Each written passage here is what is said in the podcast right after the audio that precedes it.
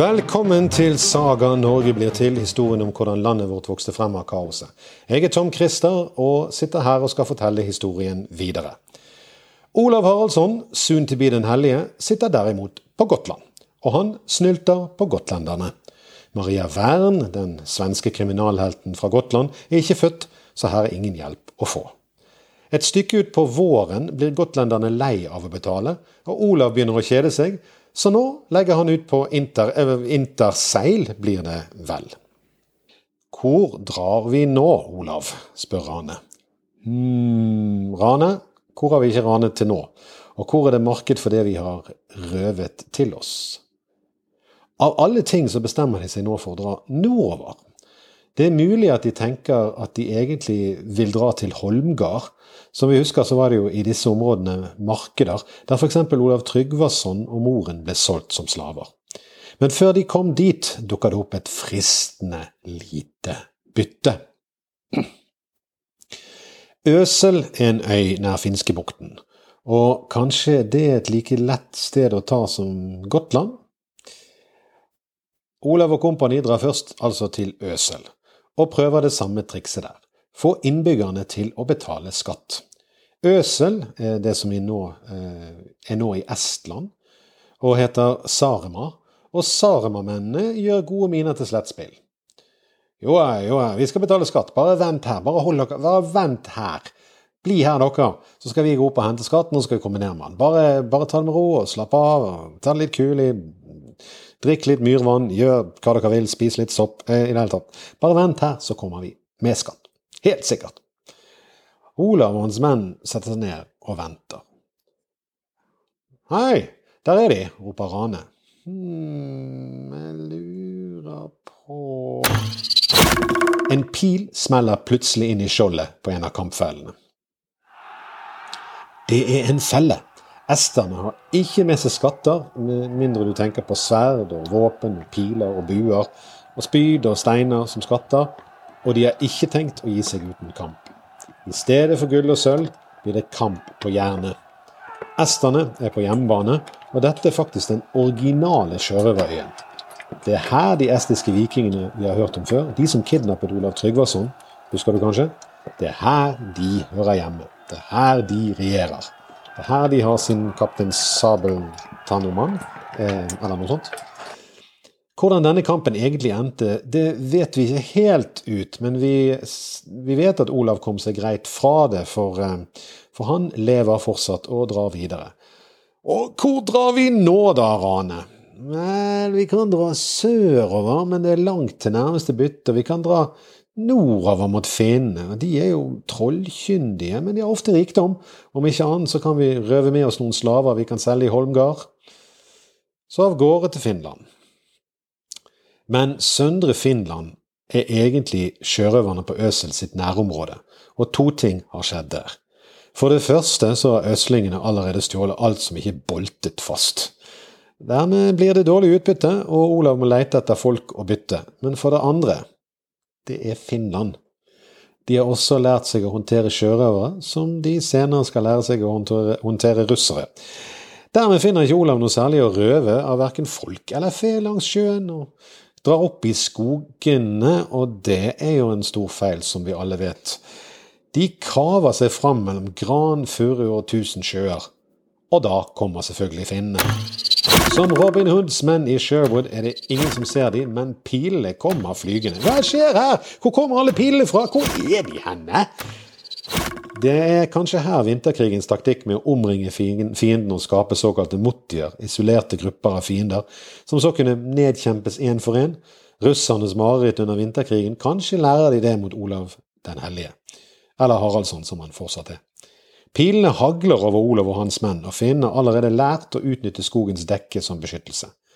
Rane sier Olav, dette går ikke, blir vi værende her, ender vi som slakt eller piggsvin, pilsvin. Olav sier du har rett, Rane. Vi, retrett, vi trekker oss tilbake, menn! Og nordmennene må flykte hals over hode.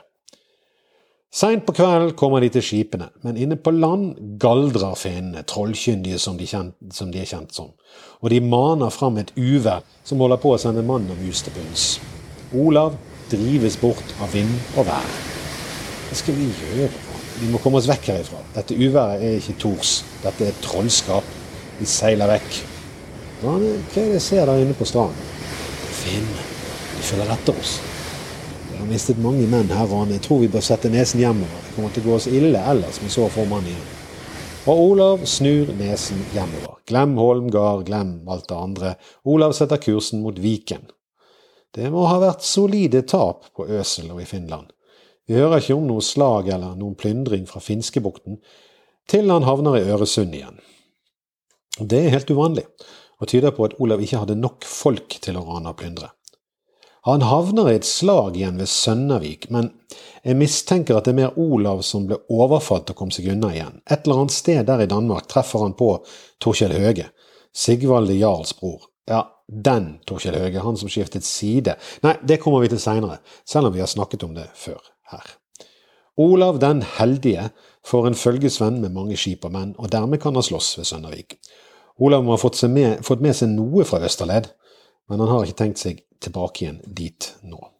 Olav, Rane og Torkjell setter kursen vestover og sørover mot Frisland, den nordlige delen av Nederland. Det går heller ikke så bra. Vi går i land her, gutter. Jeg tror ikke det er så lurt, Olav. Vi går i land her, disse friserne har store rikdommer. Ja vel, men hva gjør vi med hæren? Hæren? Hvilken hær? Den hæren, sier Rane og peker på det som beskrives som en prektig hær som kommer imot dem idet de går i land. Og den hæren uh, Vi slåss! Ja, vi gjør vel det. Ikke noe snakk om å komme oss til båten vekk. Nei da, her skal de kjempes. Jo da, kom igjen da. Friserne er også vant til disse overfallene, og har etter hvert lært å forsvare seg. Igjen blir det en kamp som ender med lite gevinst for Olav, men han berger livet. Det begynner å ta på kaptein av mannskap. Nå er gode råd dyre, men Olav har hørt at det kan være muligheter i England. Danskekongen har kjempet der en stund, Svein, altså. Og det som er sikkert når det kjempes over lang tid, er at det er behov for forsterkninger. Hva gjør vi nå? Vi drar til England! Ja! Yeah!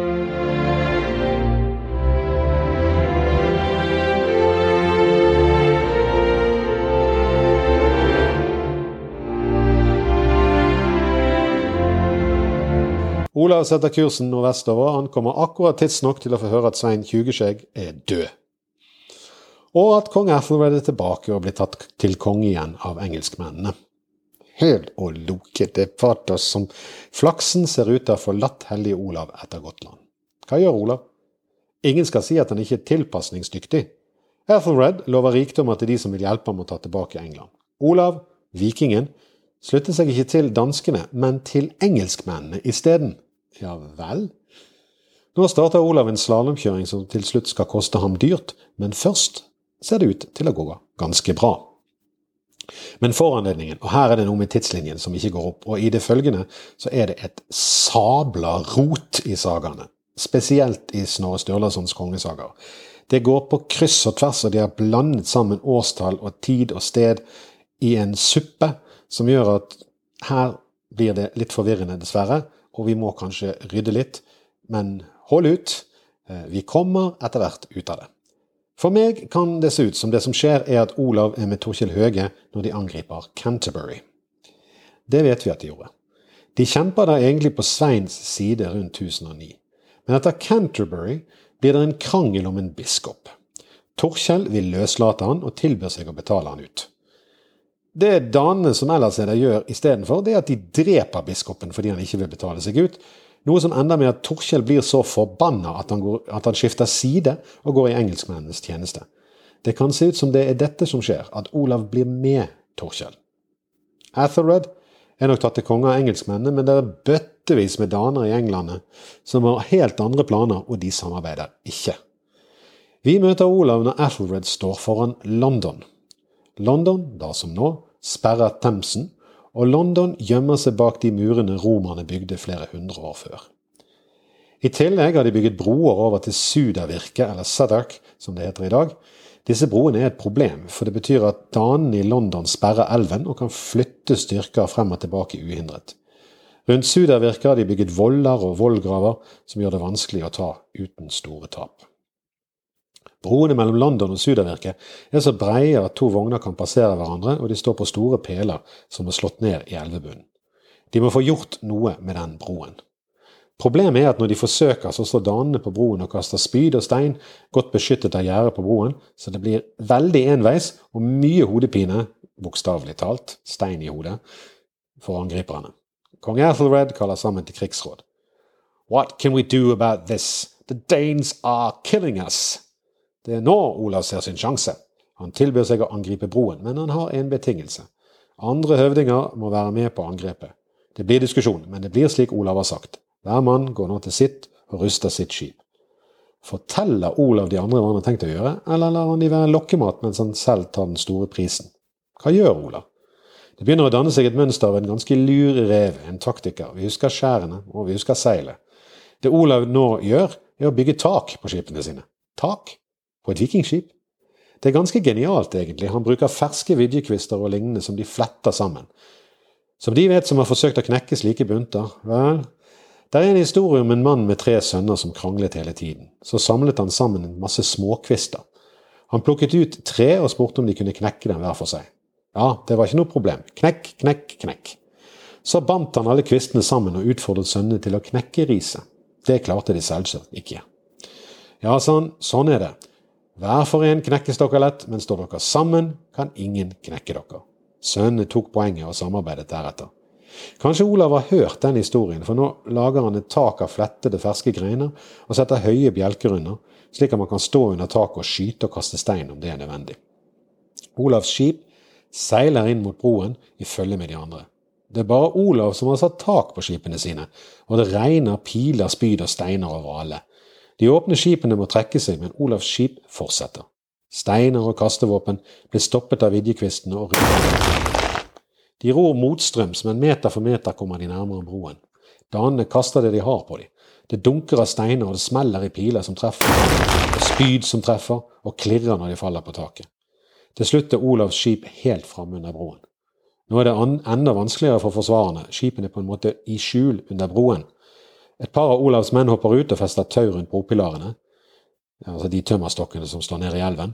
Alle Olavs skip festes i rekke til et par av de, så endrer de retning. Nå ror de nedstrøms. De ror alt de makter. De har hjelp av strømmen i elven, men det tar på. Pilarene er tjukke eikestokker. Nordmennene ror alt de makter. Svetten pipler frem, og skipene står bom stille i elven. Ro, ro, ro, roper Olav. Mennene ror for livet, bokstavelig talt.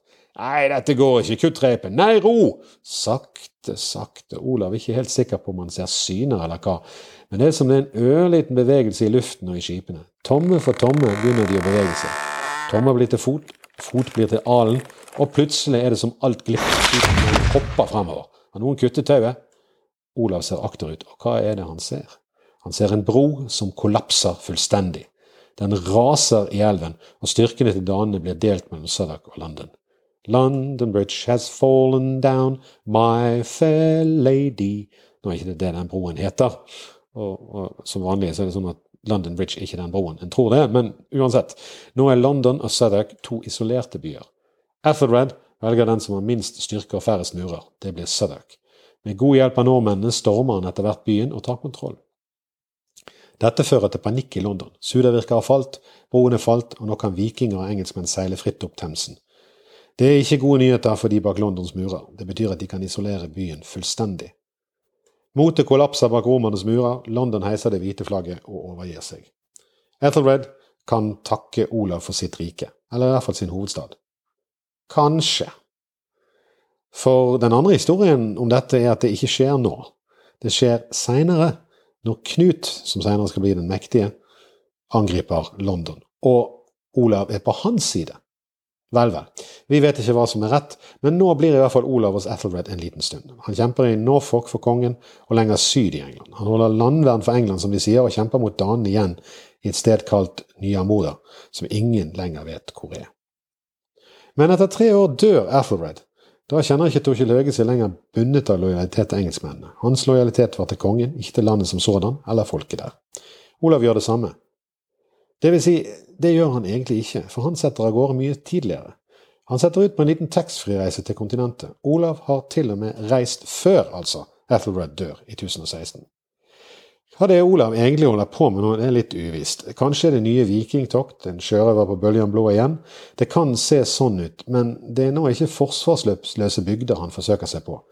Byttet kan være desto større, men det tar nesten form av et systematisk angrep på deler av Frankrike. Altså de delene som ikke er Normandie, og det kan gi en indikasjon på hva dette er for noe. Først drar han til Ringsfjorden. Dette er alt å dømme den bukten der Guernsey og Jersey ligger. Innerst der ligger det spektakulære klosteret Mont Saint-Michel. Det ligger flott til på en øy som bare er tilgjengelig landveien ved Ladvann, og du kan fortsatt se det i dag.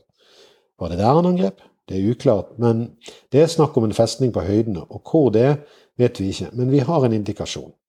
Beskrivelsen passer til Mont Saint-Michel, fordi det ellers er flatt som en pannekake der, men ifølge franske kilder så er det et litt annet sted, rett i nærheten, der han ble tilkalt av hertug Rikard av Normandie og erobret en borg kalt Dol. Vel, erobret. I forhold til historien så massakrerte han innbyggerne i Dol. Det er slett ikke noe grei del av historien for en helgenkonge, så den er ikke nevnt i kongesagaene, men det var det han gjorde. Men Olav venter ikke, han farer videre til Grislepålene, der han skal slåss ved Williamsby. Det er helt feil, ifølge franske kilder er det lenger syd, ved Poitou, altså nær Poitiers. Her påstås det at han kom siden, men det er nok enda litt mer rot i kronologien igjen. Videre drar han til Spanien. De kaller det for Fetlafjord og slåss der, og så videre til Seljepålene, som også er et ukjent sted. Han skal ha erobret en borg der også.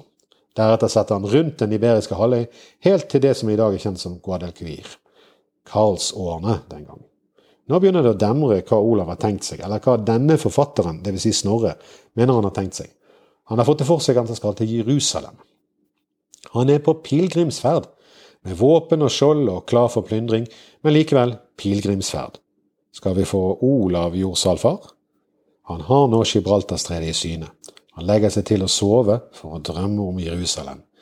Men søvnen blir urolig. I drømme kommer en skremmende stor og sterk mann til han og ber han gi det opp den drømmen. Mannen beordrer han tilbake til Norge istedenfor. Da skal han bli konge over Norge til evig tid. Olav forstår det slik at hans ett skal styre landet. Han våkner med et rykk. Skal han nå gjøre som mannen i drømmen befalte, eller skal han fortsette gjennom Gibraltar over Middelhavet til Israel og Jerusalem? Blir det Olav den hellige eller Olav Jordsalfar? Det får vi se i neste episode av Saga Norge blir til. Mitt navn er Tom Christer Nilsen. Du kan sende kommentarer eller spørsmål til tom.christer.gmail.com. Men før vi avslutter, så skal vi selvsagt ha et vers fra Håvamål. Og vi er kommet til vers tre i Håvamål. Eld han tarv som inner komen og om knekulser, til mat og klede en mann hev trong, som har vi fjellfar. Et av de fineste små versene som forteller deg hvordan du skal behandle en gjest. Takk for nå, vi høres snart igjen, og da skal vi høre hvor Olav seiler etter Gibraltar.